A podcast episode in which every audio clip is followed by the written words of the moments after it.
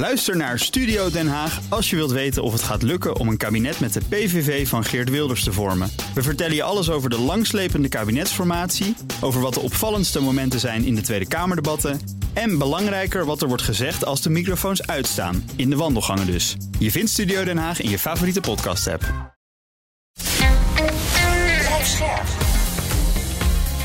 BNR Nieuwsradio. Napleiten. Wouter Laumans en Christian Vlokstra. Op dat reisje zelf was al tumult uh, ontstaan daarover. Omdat de volgende dag die aangeefster zich bij uh, collega's had gemeld dat er wat uh, gebeurd was op de kamer. Dus ja, hij wist ook wel dat het daarover zou moeten gaan.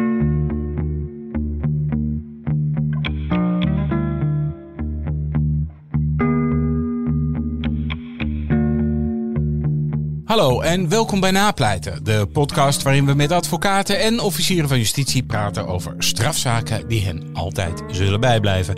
Mijn naam is Wouter Laumans en naast me zit strafpleiter Christian Vlokstra. Welkom Chris. Dankjewel Wouter. Even de huisregels als gebruikelijk. In deze podcast praten we over definitief afgedane zaken en vanwege de journalistieke zuiverheid behandelen we ook geen zaken waar jij, Christian Vlokstra, als advocaat ook maar enigerlei betrokkenheid bij hebt.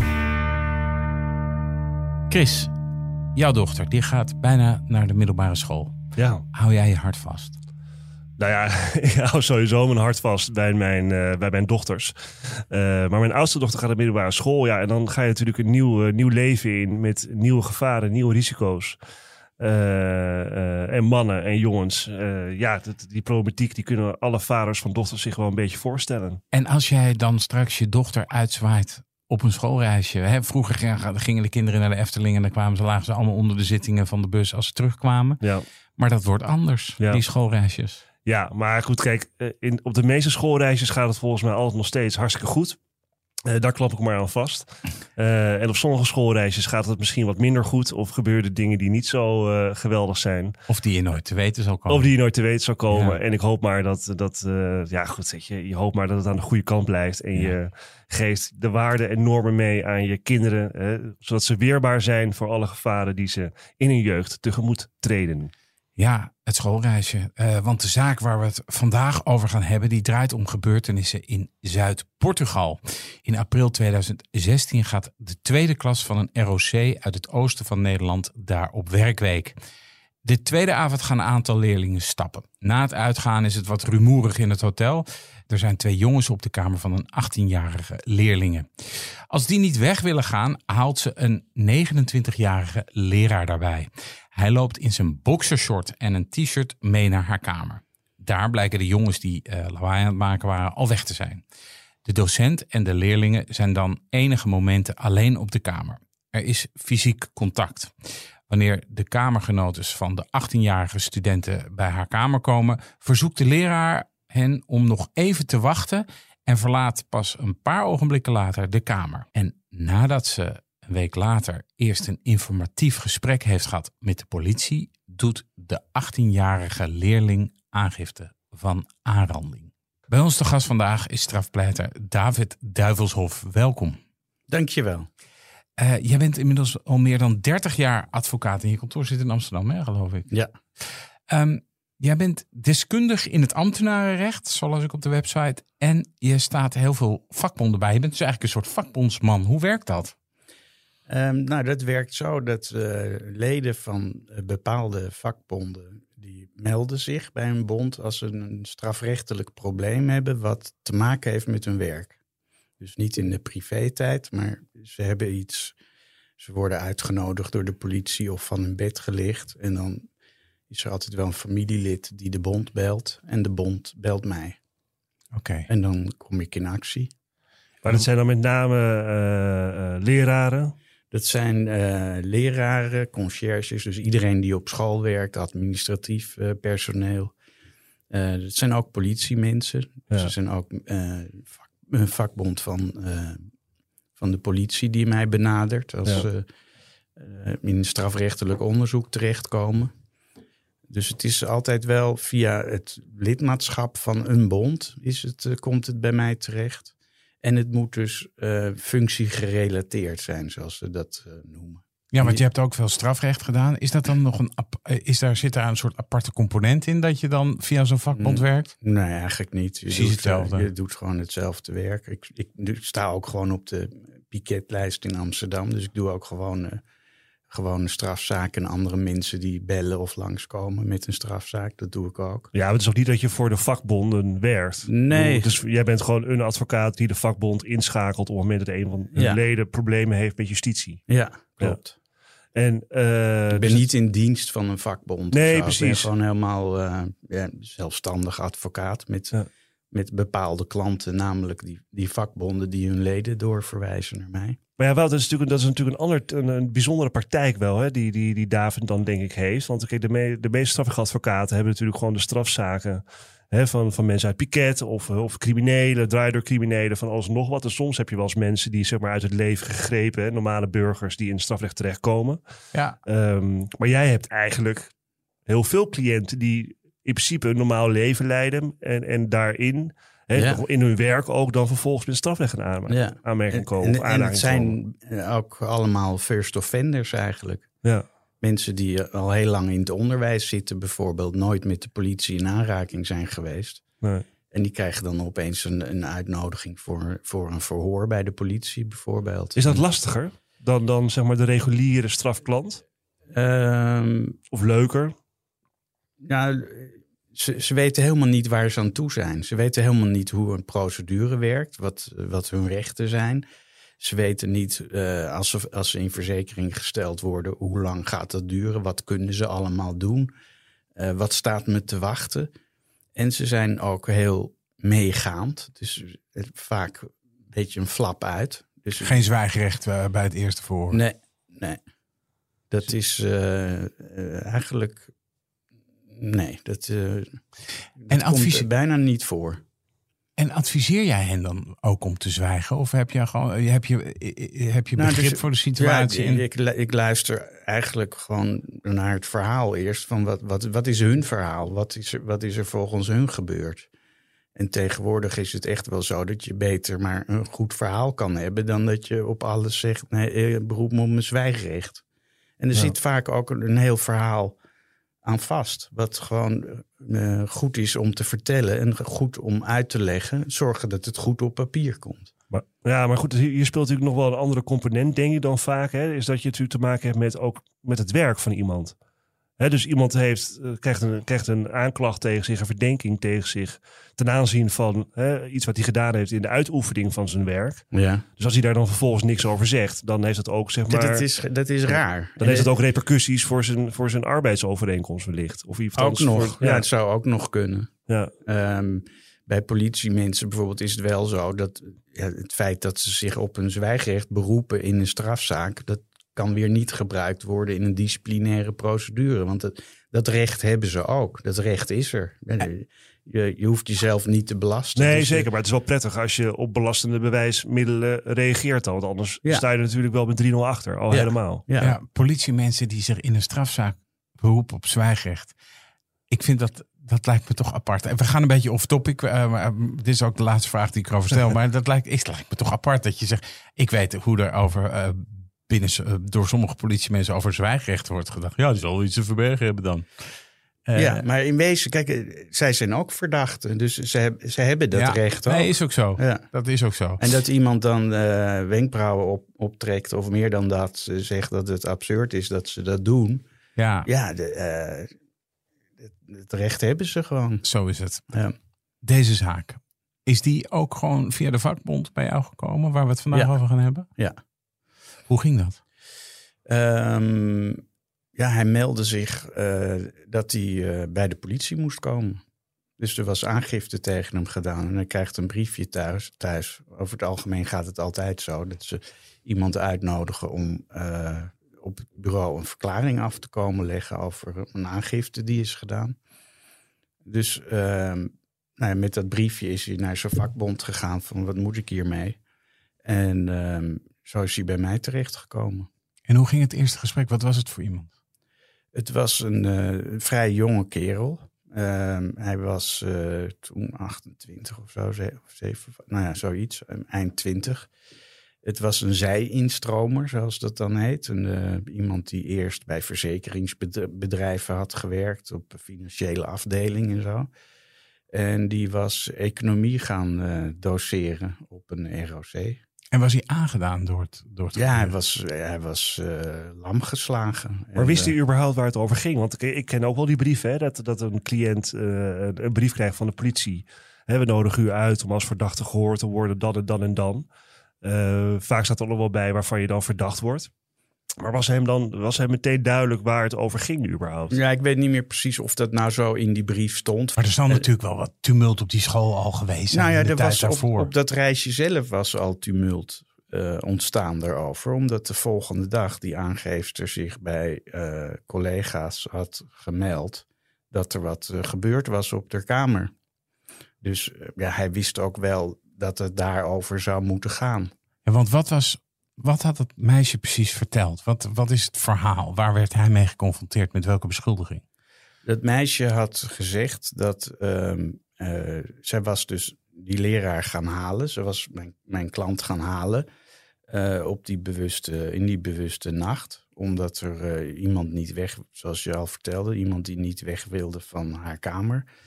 En ehm, hij is toen met haar meegelopen in zijn boxershort en zijn slaap-t-shirt naar haar kamer. Want was hij lag al te slapen. Ja. Ja, ja, hij lag nog niet te slapen, maar hij, hij was eh, op zijn kamer. Dus eh, hij, hij ging met haar mee. En ehm, eh, is, hij is op haar kamer geweest. En hij heeft daar ook eh, op een gegeven moment... Ze was nogal aangeschoten. Uit de verklaring in het dossier bleek ook dat ze heel veel van die shotjes eh, had genomen... in al die barretjes daar in het uitgaansleven. En ehm, hij maakte zich zorgen, want ze zakte op een gegeven moment haar weg op haar bed. En eh, ze vertoonde braakneigingen, dus eh, hij heeft er recht op gezet. Hij is in die kamer geweest, er was verder niemand bij. Hij heeft er recht op gezet dat ze niet raar in elkaar zou zakken. Dat, dat is het enige wat, eh, wat hij vertelde wat daar binnen gebeurd was. Maar zij had eh, verteld de volgende ochtend dat hij eh, ook dat hij aan haar had gezeten, dat hij er probeerde te masseren en dat hij ook geprobeerd had er BH los te maken en dat hij haar, ik geloof aan de zijkant van de borsten had aangeraakt. Dat, is, dat was de beschuldiging. Hmm. Dat lijkt me een heel gedoe op zo'n schoolreisje met allemaal van die kinderen in die leeftijd. Want dan eh, ontstaat er een, zo'n soort dynamiek eh, waarbij je denkt dat dat lijkt me explosief. Of was dat ook zo? Of wat vertelde hij jou daarover? Ehm, nou ja, het waren verschillende groepjes. Ja, zo gaat dat dan ook op dat soort schoolreisjes. Sommigen gaan nog weer de stad in en anderen die eh, blijven in het hotel. En eh, eh, eh, er waren ook een aantal leerlingen die helemaal niks gedronken hadden. En die, die hebben later ook verklaard dat de aangeefster echt eh, eh, behoorlijk eh, eh, eh, ja, Ver heen was. ver heen was. En eh, ook de shotjes van anderen nog dronk en zo. Dus die, die had echt behoorlijk veel gedronken. Er waren er nog een paar die veel gedronken hadden. Maar er waren dus ook een stuk of drie, vier die helemaal niks gedronken hadden. Hm. En ja, die konden la- later ook allemaal aan de politie eh, verklaren. Maar even voor mijn begrip, eh, David, want hè, dit ontstaat op een bepaalde avond op een, op een schoolreisje. Hè? Mhm. Eh, wat dan ook wel of niet gebeurt is in die kamer. De volgende dag, dat, dat, dat meisje, hè, dat, maakt, dat maakt daar melding van bij collega's, andere docenten. Eh, ik neem aan dat er toen al, zeg maar, binnen zeg maar, die schoolcontext al heel veel gebeurt. Of althans dat er... Nou ja, dat zou je wel verwachten. Maar eh, uit het onderzoek bleek dat er eigenlijk helemaal geen afspraken waren van hoe gaan we daarmee om als zoiets gebeurt. Eh, Geen protocollen of zo. Had hij, En- had hij bijvoorbeeld aan zijn collega's verteld: jongens, ik heb gisteravond eh, een meisje die was niet lekker, die had te veel gedronken, die heb ik rechtop in haar bed gezet en ik ben weer weggegaan. Nee, dat heeft hij ook niet gedaan. Maar dat was voor hem ook niet zo vreemd. Ik bedoel, het was niet een, een, eh, eh, een handeling waardoor, waardoor hij zoiets had van... oh, dit moet ik even gaan melden. Ja. Ik bedoel, hij, hij heeft er gewoon geholpen en dit zit. Ja, ja. Maar Want, ik stel me dan zo voor, want jij bent vroeger ook wel op schoolreizen geweest, denk ik, met je middelbare school. Ik ook. Als zoiets Bij mij was het altijd één grote bende, Chris. Nee, ja, Maar ik ben dus helemaal niet representatief. Nee, maar bij mij ook. Maar kijk, als, als zoiets zou ontstaan op een bepaalde avond... Hè, en, en, en, en, en een meisje zou de volgende ochtend bij het ontbijt komen met dit verhaal... dan zou dat hele schoolreisje op zijn kop staan op dat moment. Ja, maar uit het dossier bleek, want ze hebben natuurlijk die collega's ook eh, gehoord. De politie heeft die collega's gehoord. Die, die zaten eigenlijk een beetje met de handen in het haar. Van, Wat wat, moeten we hiermee? wat moeten we hiermee? Het was de dag twee van, van die schoolreis. Was Dus, moesten ja, nog een hele week. ja, je moest nog de hele week. Je kan, je kan, niet, eh, je kan niet weggaan met z'n allen. Of ja, had gekund, maar dat is lullig voor alle andere kinderen. Dus dat, dat was geen optie. En, die, en die mensen die dat, dat verhaal hoorden, eh, ja, die, die hadden zoiets van, ja, eh, nou, laat het, parkeer het maar even en eh, we zien wel in Nederland verder. Dus ze, ze zijn daar gewoon de hele week nog gewoon samen... Ze zijn, nou ja, mijn, mijn- voor mijn klant was de lol er wel vanaf. ja. En ja, ze, zijn de hele week, ze hebben de hele schoolreis volgemaakt. Wat mij altijd opvalt hè, bij dit soort zaken, is toch dat ehm, die verhalen lopen altijd van, van, van aangever en beschuldiger lopen tot op, zeker, op zekere hoogte altijd parallel. Ja. En dan schieten ze ongeveer diametraal uit elkaar. Eh, eh, Dus op het moment dat, dat hij in die kamer is geweest, dan eh, verklaart zij wat, verklaart hij. En je weet, niemand is erbij geweest Nee. natuurlijk. Nee, dat is het precies. Was er ondersteunend bewijs voor haar bewering? Waren er verklaringen van mensen die hebben gezien van joh, eh, de- de- wat hij deed, dat, hij deed raar eh, die avond of zo? Ehm, nee. Ja, het, aparte was ook dat, dat alle leerlingen die later zijn bevraagd, die eh, hebben allemaal verklaard dat het een, een hele, echt een, een jovele leraar was. Echt, hij werd op handen gedragen, niet alleen door de leerlingen, maar ook door eh, zijn collega's. Dus hij, hij, hij zat er positief, werd hij beschreven door iedereen. En ehm, eh, over wat daar gebeurd was, wat, wat er aan bewijs eh, was. Ja, dat, dat zijn dan altijd kleine dingetjes eromheen. Het, het, is net wat je zegt. Het is een één op één situatie. Niemand ziet wat daar in die kamer is gebeurd. Er was niemand bij. Dus dan gaat het om ding, kleine dingen eromheen. Bijvoorbeeld, eh, nou, er was bijvoorbeeld e- één op een gegeven moment zou ze haar vriend, die ook mee was op schoolreis, zou ze ge-sms'd hebben. Van eh, de docent zit op mijn kamer. En eh, ja, dat, daarvan zou je kunnen zeggen dat dat een soort ondersteunend bewijs is. Maar dat is bewijs voor het feit dat hij op die kamer was. En dat was niet betwist. Bovendien had ze de volgende dag en de vriendje ook. Die hadden allebei die, die WhatsApp-berichten weggegooid. Om de een of andere reden. Dus die waren ook niet meer beschikbaar. Maar dat, dat, van dat soort kleine dingen moet je het dan hebben. En op een gegeven moment kwamen de, ehm, de kamergenoten van eh, de aangeefster... die kwamen terug van het uitgaan en die kwamen aan de deur. En eh, die wilden naar binnen. En toen was mijn klant was nog op die kamer. En eh, die deed de deur open. En toen ze- zei hij meteen, wacht even. Toen ging de deur weer dicht. En die ging na korte tijd weer open. Na één of twee seconden, volgens die getuigen die op die gang stonden. En toen konden zij naar binnen. Maar ja, dat werd dan weer zo uitgelegd...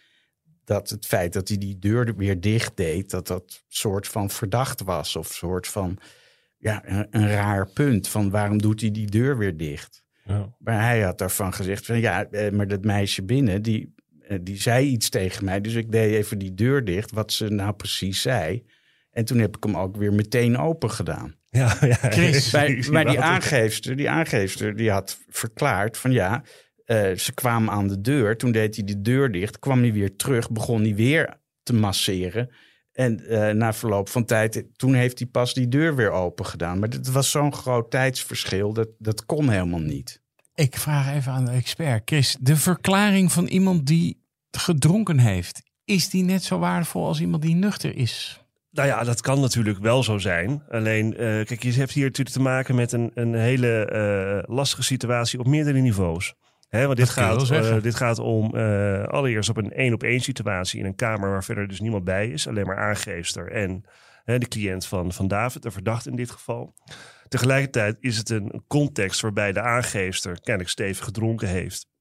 Eh, eh, en op een schoolreisje met jonge mensen, jonge eh, verdachten, hè, waar, waar, waar verhalen uh, welig rond kunnen tieren en mensen kunnen gaan speculeren. Mensen die binnenkomen, die weer eruit gaan. Ehm, en als je het even puur naar het juridische trekt. Um, kijk, je kunt niet veroordeeld worden op een verklaring van een aangeester. Daar kun je niet op veroordeeld worden. Dat noemen we de, de unus testis regel in het, in het strafrecht. Eén getuige is geen getuige, om het zo maar te zeggen. Alleen is het wel zo, op het moment dat die verklaring van die aangeefster, de getuige, voldoende ondersteuning vindt op andere belangrijke punten, dan kan dat in de jurisprudentie van de Hoge Raad, die schuift daar heel erg op, op hè, daartoe. Uh, dan kan dat in sommige gevallen voldoende zijn op het moment dat de betrouwbaarheid van een verklaring van, van die aangeefster uh, goed wordt ondersteund. En op het moment dat iemand dus dan ja, ten tijde van het feit dronken was, wisselende verklaringen aflegt. En er zijn de ondersteunende elementen die er misschien wel zijn, die zijn niet dusdanig ondersteund dat ze echt zien op een strafbare handelen of juist vragen oproepen over de verklaring van de aangeefster. Ja, dan heb je te maken met, met een heel diffuus beeld uh, waar je dan als rechter wat mee moet. Ja. Alleen, Kijk, we hebben het nu over op het moment dat je alles al weet. Maar wat ik me nog even afvroeg, David. Kijk, jij hebt deze man in je kamer, hè, uh, op kantoor. Die vertelt jou zijn verhaal. Um, dan ga jij met hem naar de politie toe hè, om, om, om, dat, om die verklaring af te leggen. Hoe ging dat toe? Maar dan, dan raak je ook een beetje op de hoogte van... Hey, wat, wat ligt er eigenlijk allemaal tegen mij aan verklaringen of niet? Um, ja, hij is uh, twee dagen verhoord. En de eerste dag uh, gaat het dan alleen over de persoonlijke omstandigheden. Dat smeren ze dan helemaal uit over een, een hele dag. Dus ja. dan zeggen ze vaak ook, uh, van, ga er nog maar eens een nachtje over slapen of zo. Dus dan zit hij op het bureau. Volgende dag wordt er gesproken over wat er dan precies gebeurd zou zijn. Maar in dit geval, hij wist, natuurlijk, het was, hij, hij wist natuurlijk op zich wel wat er gebeurd was. Want hij wist ook wat de aanklacht was. Ja. Alleen had hij dus inderdaad een totaal andere lezing daarover, over wat daar binnen gebeurd was. En uh, ja, de, dus in die zin was dat verhoor ook niet. Uh, daar kwamen geen verrassende dingen naar voren. David. Dat, dat, dat wist, hij wist wat waar het over ging. Ja. Op kinderdagverblijven hebben ze om dit soort gekke toestanden te voorkomen, hebben ze het vier ogen principe. Hè? Ja. Dat je dus, dat betekent dat je dus nooit een docent en een leerling alleen in één ruimte uh, hebt. Heb jij daarover gehad met je cliënt? Heb je gezegd, joh, hoe kan je zo stom zijn om in je boxers Ja, zeker. Dat heb ik ook uh, in, in pleidooi ook uh, aangegeven. Want uh, de, ja, en, en dat zei hij zelf ook meteen. Van ja, ik, ik ben gewoon oliedom geweest door daar in mijn boxershort en mijn t-shirtje naar binnen te lopen. Maar ja, het was ook zo. Dat, we hebben het hier niet over een leraar van 40 of 50 die al 20, 30 jaar ervaring heeft in het onderwijs. Die weet dat hij dat niet moet doen. Want dit, daar... dit was eigenlijk, ja, het waren wat oudere uh, leerlingen, 18, 19, 20 jaar zo in die categorie. En hij was 28, dus niet op, een, op zich niet heel veel ouder. Maar wel nog steeds de docent natuurlijk. Maar ja ja, dat is, dat is zijn grootste fout geweest. Is dat hij niet even een collega heeft gehaald. van we moeten even naar die kamer van dat meisje. want die maakt het niet goed. Dat besefte hij zich ook meteen. Want doordat hij in zijn boxershort daar liep. gingen er ook gelijk de meest wilde verhalen over de gang. dat hij een stijve zou hebben en dat soort dingen, toch? Ja, dat, dat ging, de volgende dag ging, ging dat uh, gerucht. Ja. Werd gezegd door een van de uh, ondervraagde leerlingen van ja, dat, uh, dat hij met een erectie die kamer uitgekomen zou zijn. Dat heeft, uh, ik noem maar even Bartje gezegd, maar daar is Bartje naar gevraagd. En Bartje zegt van dit heb ik helemaal niet gezegd. Dus dat is op de een of andere manier is dat een sappig verhaal natuurlijk. En dat is er ingefietst in, die, Zoals dat, in dat clubje leerlingen. Zoals dat gaat op een schoolreis. Zo gaat dat en dan wordt het waar en dan wordt het helemaal een ding. Maar uiteindelijk bleek uit onderzoek dat, dat mensen het hadden gehoord van iemand die zelf heeft gezegd... ik heb dat helemaal niet uh, gezien en ik heb dat ook niet gezegd. Dus dat was, dat was niks. Dat, dat, daar kon je niks mee. Maar de officier heeft dat toch wel uh, voor waar aangenomen, een beetje. Ja, die heeft dat als een van de uh, bouwstenen van haar oordeel dat het bewezen verklaard kon worden eh, aangenomen. Die heeft dat, eh, dat eh, gezegd. Ja, dat is ook een, een, een puzzelstukje natuurlijk, wat, wat wel in een verklaring staat. Van ja. Ja. ik heb gehoord dat hij met een erectie eh, de kamer uitkwam. Ja, als je dat losknipt van alles, dan kun je dat in een requisitor opnemen en zeggen van dat is ook een, een, vraagpunt die bij mij de overtuiging doet eh, eh, leven dat het zo gegaan is als aangeefster zegt. Maar als je dan verder kijkt naar die andere verklaringen en dat degene die het gezegd zou hebben ontkent dat gezegd te hebben, ja, dan, dan heb je niks. Dan moet je dat ook niet gebruiken. Maar eventjes inzoomend op, op zeg maar jouw advocatenvak, eh, David. Hè? Want je bent dan twee dagen met zo'n man in verhoor. Hè? Die legt zijn verklaring daar af. Na twee dagen wordt hij vrijgelaten.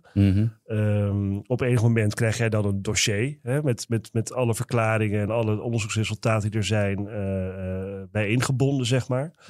Ehm, wat is jouw strategie toen geweest? Heb je, eh, kijk, normaal gesproken in dit soort zaken, dan ga je vaak wel getuigen horen. Hè? Ja. Aangeefster die andere getuigen horen. Hebben we eh, bewust niet gedaan. Nee, Niet nodig. hoezo eh, niet? Wat, wat was wat daar in Nou, de er zaten heel veel ontlastende dingen ook in die verklaringen. En de zaak stond er bepleitbaar voor eigenlijk. Ik, ik had niet zoiets, ja, dan kun je iedereen nog weer gaan horen. Maar we konden hier al wat mee. En Ja. dan, ja, dan ga ik niet, eh, eh, niet nog weer eens eh, al die. ge- In dit geval acht ik dat niet eh, no- nodig. En je dacht ook niet, ik, ga die, ik zal die aangeesten nog eens een keer aan de tand voelen wat er nou precies Nee. gebeurd Nee. is. Nee, Nee, hoor. die, die dacht, die blijft toch bij haar verhaal. Ja, nou ja, dat, dat, weet je nooit. Ja, de, de kans dat hij dan opeens gaat zeggen van ja, ik heb het allemaal uit mijn duim gezogen, is natuurlijk. eh, Bijzonder klein. dat zal, zal ze niet doen. Maar we- we hadden echt een dossier waarvan ik overtuigd was van hier, hier gaat een, een rechtbank, die kan niet veroordelen. Dat heb je wel eens vaker en dan loopt het anders af. Maar ik vond het, ik vond het, dat. ja, ik vond het in dit geval echt, echt heel bepleitbaar. En eh, die, die getuigenverklaringen waren gewoon echt op onderdelen echt heel goed bruikbaar. Het hele verhaal eh, zag, zag ik voor me. En ik had zoiets van, dit, dit moet goed gaan. Zo. En de school? Kreeg hij support vanuit de school of was hij eh, hangende het onderzoek eh, op non-actief gesteld? Ehm, Wat was de support die hij kreeg? eh, dat weet ik eerlijk gezegd niet. Het is toch meer het arbeidsrechtelijke deel dan. Wat, Ja, want ik las dus dat... Hij is wel weer aan het werk gegaan na, Ja. na, die, na, na die schoolreis. Dus ze Ja, hebben hem niet geschorst of zo. Nee, maar dus, want op het moment dat de zaak van start ging, dinsdag eh, 28 februari 2017, toen was hij alweer aan het werk. Dat las ik in een oud eh, krantenartikel. Dan dacht Ja. ik, oh, oké, dus dat, dat zegt natuurlijk ook wel iets. Zeker. Ja, de, eh, dit is ook wel heel goed van die school, vind ik. Dat ze hun medewerkers supporten als dat moet. Je zou toch ook kunnen argumenteren. Ja, gaat niet iemand afbranden meteen. Door te Nee, zeggen maar van nou, eh hupsakee eruit. Nou, Chris, als het jouw dochter was. Ja, weet je, het, is, het kan ook moeilijk zeggen. Je moet natuurlijk niet redeneren vanuit dat het mijn dochter is. Maar het is meer ja, vanuit de school en de verantwoordelijkheid die je als school hebt. Ik denk dat je als school natuurlijk ook een inschatting maakt. Hè, van hoe ernstig is deze situatie. En hoe, hè, hoe goed ondersteund is, dit, is deze aangifte überhaupt tegen deze, tegen deze verdachte. Ehm, kijk, Had die school eigenlijk zelf onderzoek gedaan naar de hele kwestie? Volgens mij niet. Volgens mij hebben ze gewoon. eh, nee. Nou, dat weet ik eerlijk gezegd niet. Of ze het ook nog eens daarnaast zelf zijn gaan onderzoeken. Ja. Wat je vaker ziet is dat ze toch wel iemand zeggen van nou blijf maar in afwachting van het onderzoek thuis of zo. Ehm, of ze gaan zelf iets, ze gaan zelf eh, getuigen horen. Dat doen ze dan zelf, weet je wel. Dan maken ze daar zelf een verslag van en zo. Je kan maar beter aan de politie overlaten. Nou, dat lijkt me zo pijnlijk. Als, dan, als, als je dan in je werkplek. Kijk, als je het gedaan hebt, eh, dan moet je misschien ook gewoon niet piepen. Maar het lijkt me wel heftig dat, dat, dat je dan nog eens door interne zaken op je werkplek wordt doorgelicht. Maar dat is niet, eh, niet gebeurd, volgens mij, in deze zaak. De zaak eh, ging van start op 28 februari. Hoe, hoe, hoe was dat? Hoe, is zo'n, zo, hoe was jouw cliënt? Was die nerveus? Die, ja, dat is eh, altijd met, met eh, cliënten van, die ik heb via de, de, de vakbond. zoals ik al zei, dat zijn first offenders. Dus die weten dat niet. Die moeten een verhaal gaan doen. En daar zijn ze zenuwachtig over. Al, al- door de hele entourage natuurlijk. Met eh, de drie rechters en een officier. En grote zittingszaal. En de pers. En eh, belangstellenden. En eh, ja, dat is slachtoffer met de advocaat. Hoe, uitgebreid, hoe uitgebreid bereid je dat met hen voor, zeg maar? Die, hoe, hoe zo'n zitting dan verloopt? Ja, alles eigenlijk. Ik ga, ik, Van begin tot eind. Van begin tot eind. Van het uitroepen van de zaak tot het doornemen van de personalia en het voorhouden van de zaak door de officier. Alles. Ik bespreek echt eh, gewoon helemaal letterlijk de gang van zaken, hoe, hoe het gaat. En ook de En- vragen die gaan komen. Vragen die gaan komen. Ehm, eh, ik bespreek natuurlijk van tevoren met hem aan de hand van het dossier, wat er in het dossier zit. Dus Ja, je kan je zeggen, ja, geconfronteerd ze, wordt. ze gaan jou alles voorhouden wat er in het dossier is verklaard door anderen. Dus daar, eh, daar word je geacht antwoord op te geven. Nou, Dus in die zin kun je al een boel stress eh, wegnemen door dat goed te doen. Door dat zorgvuldig te doen, zodat hij weet wat hem te wachten staat. Maar dan nog hoor, zijn ze vaak, ja, blijft, eh, blijft zenuwachtig. wat was jouw indruk van tevoren? Want we weten, we weten allemaal, hè, of we weten allebei, we- je hebt natuurlijk je hebt cliënten die, die heel goed kunnen verklaren. Zeker als ze gewoon een goed verhaal hebben. Ja. Hè, en dat standvastig kunnen volhouden. Maar je kunt ook mensen hebben die op zich een goed verhaal hebben, maar heel onzeker worden tijdens een bevraging hè, eh, door Ja. een rechter of een officier. Ja, Wat was jouw indruk van tevoren? Dat je dacht, nou, hij komt er wel doorheen? Of ja hij komt er wel doorheen. Ja, ik bedoel, het zijn op zich ook wel slimme mensen natuurlijk. Eh, eh, ze, hebben allemaal goede opleiding genoten en, en geven les. Dus ja, het zijn intelligente mensen. Die, die, ja, die kunnen dat over het algemeen, als ze goed voorbereid zijn en weten hoe het zal gaan, dan, dan doen ze dat over het algemeen heel goed. En op wat voor een eis had jij hem voorbereid? Op wat voor een strafeis?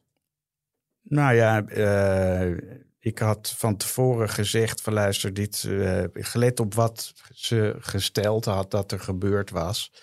Bedoel, het is, het is niet een, een verkrachting of een penetratie. Dus dan is het vaak toch wel een hele forse werkstraf met een deel voorwaardelijke gevangenisstraf.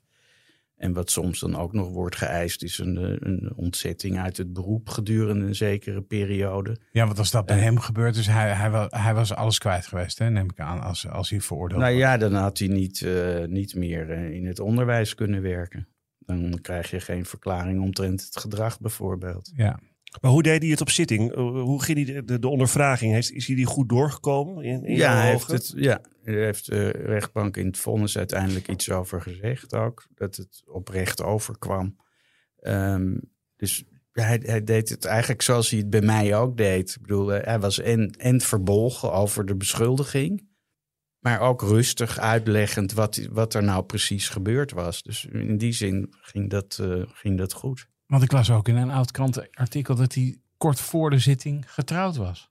Ja. Dat zegt, zegt natuurlijk ergens ook wel wat als daar... Dat hij daar nog zin in had. Nou ja, niet... niet Dat zijn partner, dat zijn partner met hem wilde trouwen. Ja, wat bedoel je? Nee, nou ja, dat, zij, dat zijn vrouw daar nog zin in had, zullen we maar zeggen. hè. Na zo'n beschuldiging kan je... Ja, Snap je? Dat Ja. kan, dat kan ook een gezin ontwrichten, kan ik me voorstellen. ja. Het is niet niks. Ik bedoel, zo'n beschuldiging. Nee. Maar ik kan me ook zo voorstellen, want was de aangeefster er ook? Weet je dat nog? Op de, op de Ja, zitting? volgens mij was die er met een advocaat om, eh, om een claim. eh, Maar eh, geen te- spreekrecht of iets dergelijks. Nee, volgens mij niet. Nee. Nee. En dan zat er niet het halve ROC zat niet op de publieke tribune Nee, om te nee. kijken hoe het ging. Collega's? Ook niet. Oké. Wat was jouw verweer? Wat was de inhoud van je verweer? Nou, het, eh, het verweer was dat er eh, onvoldoende bewijs was voor eh, het feit dat er een aanra- aanranding gepleegd zou zijn. Onvoldoende bewijs. En, en vervolgens geen overtuiging, omdat de verklaring eh, rammelde, de aangifte rammelde. Ehm, wat zij er allemaal over verteld had, maar er zaten echt heel veel vreemde dingen in. En ehm, ja, dan, dan kun je de, de rechter voorhouden dat, ze, dat als er steunbe er moet steunbewijs zijn voor die aangifte. En dat steunbewijs moet eigenlijk een beetje zien op, op het verwijt zelf, dus op het seksuele, de- Mhm. de- op de aanranding. Het, het, moet, het moet daar iets over zeggen eigenlijk. Dus als er bijvoorbeeld wel een, een, een WhatsApp-bericht zou zijn waarin staat. eh, de docent is op mijn kamer en hij zit aan mijn borsten, ja, dan heb je steunbewijs voor het, het, het zedenkarakter. Maar als het alleen is, de docent zit op mijn kamer, dan, dan zegt dat niks over wat daar gebeurd is. Dus het moet, zoals het dan heet, redengevend steunbewijs zijn. Er, er moet een soort link te maken zijn met het seksuele. En Toch? dat was het verweer, dat, dat is er niet. Er, er zijn, eh, hij is wel dom geweest door daar naar binnen te gaan. Maar eh, als je de hele situatie voor je ziet en de verklaringen van die andere leerlingen, die vertelden over het drankgebruik van die aangeefster. Aangeefster had bijvoorbeeld gezegd dat ze toen die leerlingen aan de deur kwamen, dat ze naar hun schreeuwden van kom binnen of zo. En dat, dat hadden die andere leerlingen, die hebben het daar helemaal niet over. Die hebben, die hebben gezegd van, die- ze heeft helemaal niet zitten schreeuwen naar ons. Dus er waren allemaal, er zaten allemaal rare dingen in die aangifte. Ja, dat kan van belang zijn. Hè? Wat, wat, je, wat je wel eens in zedenzaken ziet, is dat zeg maar, de, de, het slachtoffer dan hè, een, een, een, ja, geconfronteerd is met een verkrachting of een aanranding. Vervolgens eh, natuurlijk eh, overstuur raakt, in paniek raakt en, en, en naar iemand toe gaat. Hè, meteen daarna of met iemand belt. Ehm, eh, en dan kan, het, dan kan die ander dus, die dus geconfronteerd met de slachtoffer, die kan bijvoorbeeld verklaren van hé, hey, de slachtoffer kwam in tranen en helemaal in paniek naar me toe en die vertelde over wat er gebeurd was. Dan kun je zeggen, oké, dat is uit één bron. Hè? Dus het is nog steeds meteen alleen maar de aangeefster. Alleen die emoties die dan vervolgens worden gezien, die kunnen ook weer bijdragen aan het ondersteunende bewijs, aan de betrouwbaarheid van die verklaring. Waardoor uiteindelijk toch niet alleen maar daarop, maar uiteindelijk wel tot veroordelingen kan worden gekomen. Ja, dat is want- in het zedenmisdrijvenrecht, zeg maar, is dat een heel grijs, lastig gebied. Ja, want er lag wel gewoon een eis van 150 uur werkstraf. Twee weken voorwaardelijk met een proeftijd van drie jaar. Ja, maar dat is natuurlijk een uitermate serieus feit. Ze- eh, Mhm. Een serieus eh, eis. Zeker voor iemand die natuurlijk in het onderwijs werkzaam is. Ja. Dus je hebt de. Maar als het, als, het waar, eh, als het waar geweest zou zijn, dan is het natuurlijk ook inderdaad een heel ernstig feit. Zeker. Ja. Maar als het niet waar blijkt te zijn, dan is dat ook heel erg vreselijk. Voor Had jij iemand eigenlijk- die had je- zo beschuldigd Ja, want jij wordt. noemde het de nachtmerrie van elke docent. Ja.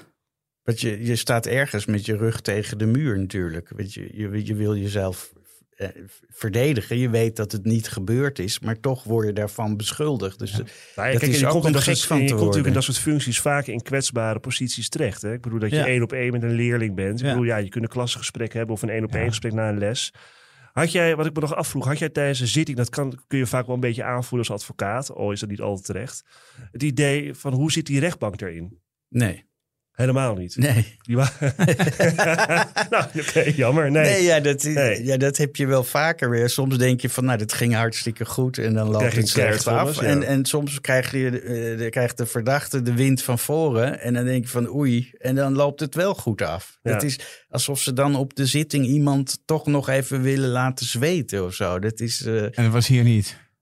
Nee, dit was gewoon heel zakelijk eh, bevraagd en eh stoïcijns eigenlijk, eh, alle drie. Dat, ik heb daar helemaal niet iets eh, gehad van nou, kat in het bakkie of juist niet of zo. Helemaal niet. De dag des oordeels. Mhm. Wat rolde eruit? Ehm, hij werd vrijgesproken. En hoe reageerde hij daarop? Nou, ja, heel euforisch, maar ook heel eh, verward. Van, eh, je, je wordt vrijgesproken en je hebt het toch een tijd lang boven je hoofd gehad. En eh, ja, dan, dan, dan is dat heel, heel moeilijk ook. Dat je opeens de omschakeling krijgt van ja, het is, als er geen hoger beroep komt, is het afgelopen. Het is streep eronder. En dat is, ja, dat, maar primair natuurlijk euforisch. Dat het, dat het is aangekomen. En dat die, die rechters eh, ook ja, heeft, heeft kunnen overtuigen. Dat het, dat het niet zo gegaan is als in de aangifte was gesteld. Maar had hij nog angst dat, of jij, dat, dat het Openbaar Ministerie misschien een hoger beroep zou gaan? Daar hebben ze natuurlijk ook twee weken Ja, dat kan altijd natuurlijk. Ja, Ja. dat, eh, maar goed, het was zo goed uitgelegd in het vonnis. En eh, ja, dan, dan denk je eigenlijk van, nou, dat moeten ze niet nog eens doen. Eh, maar dat weet je nooit. Dan, eh, ja, dan gaan ze intern overleggen, denk ik. En dan, eh, in dit geval hebben ze geen hoger beroep aangetekend. Dus het is eh, definitief geworden. Hoe kijk jij nou terug op deze zaak? Nou, dat is wel voor een advocaat natuurlijk heel bevredigend. Dat, uh, dat je een, een zaak alle verklaringen fileert en op een rijtje zet. En, en, en, en daarbij een visie presenteert aan de rechtbank. Uh, waarvan je zelf overtuigd bent dat het die kant op moet gaan. En dat ze dat dan overnemen en je ook in het vonnis allemaal dingen uit pleidooi uh, leest. Dat dat is overgenomen. Dat is bijzonder prettig. Extra bevredigend. Eigenlijk wel, ja. Dan, de, dan besef je van daar doe je het voor. Dat je inderdaad die rechtbank kan overtuigen dat het, uh, hoe het moet aflopen. Dank David Duivelshoff voor uh, je komst naar onze studio en voor dit uh, mooie verhaal. Dit was Napleiten. De uitspraak in deze zaak kunt u nalezen op rechtspraak.nl. Mijn naam is Wouter Laumans en naast me zit co-host advocaat Christian Vlokstra. Deze podcast is te beluisteren op Apple Podcasts en Spotify. Vergeet u vooral niet te abonneren, dan bent u op de hoogte als er weer een nieuwe aflevering online staat. Verder zijn we uiteraard te volgen op Twitter en Instagram. Dank voor het luisteren en graag tot de volgende keer.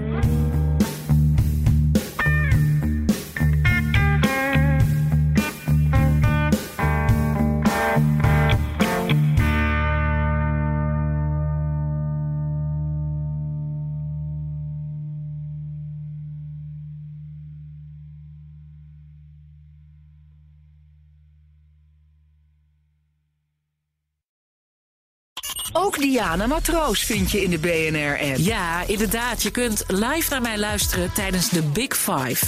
Ook handig in de BNR-app. Breaking nieuwsmeldingen, maar ook het allerlaatste zakelijke nieuws. En je vindt in de app alle BNR-podcasts, waaronder Wetenschap Vandaag. Download nu de gratis BNR-app en blijf scherp.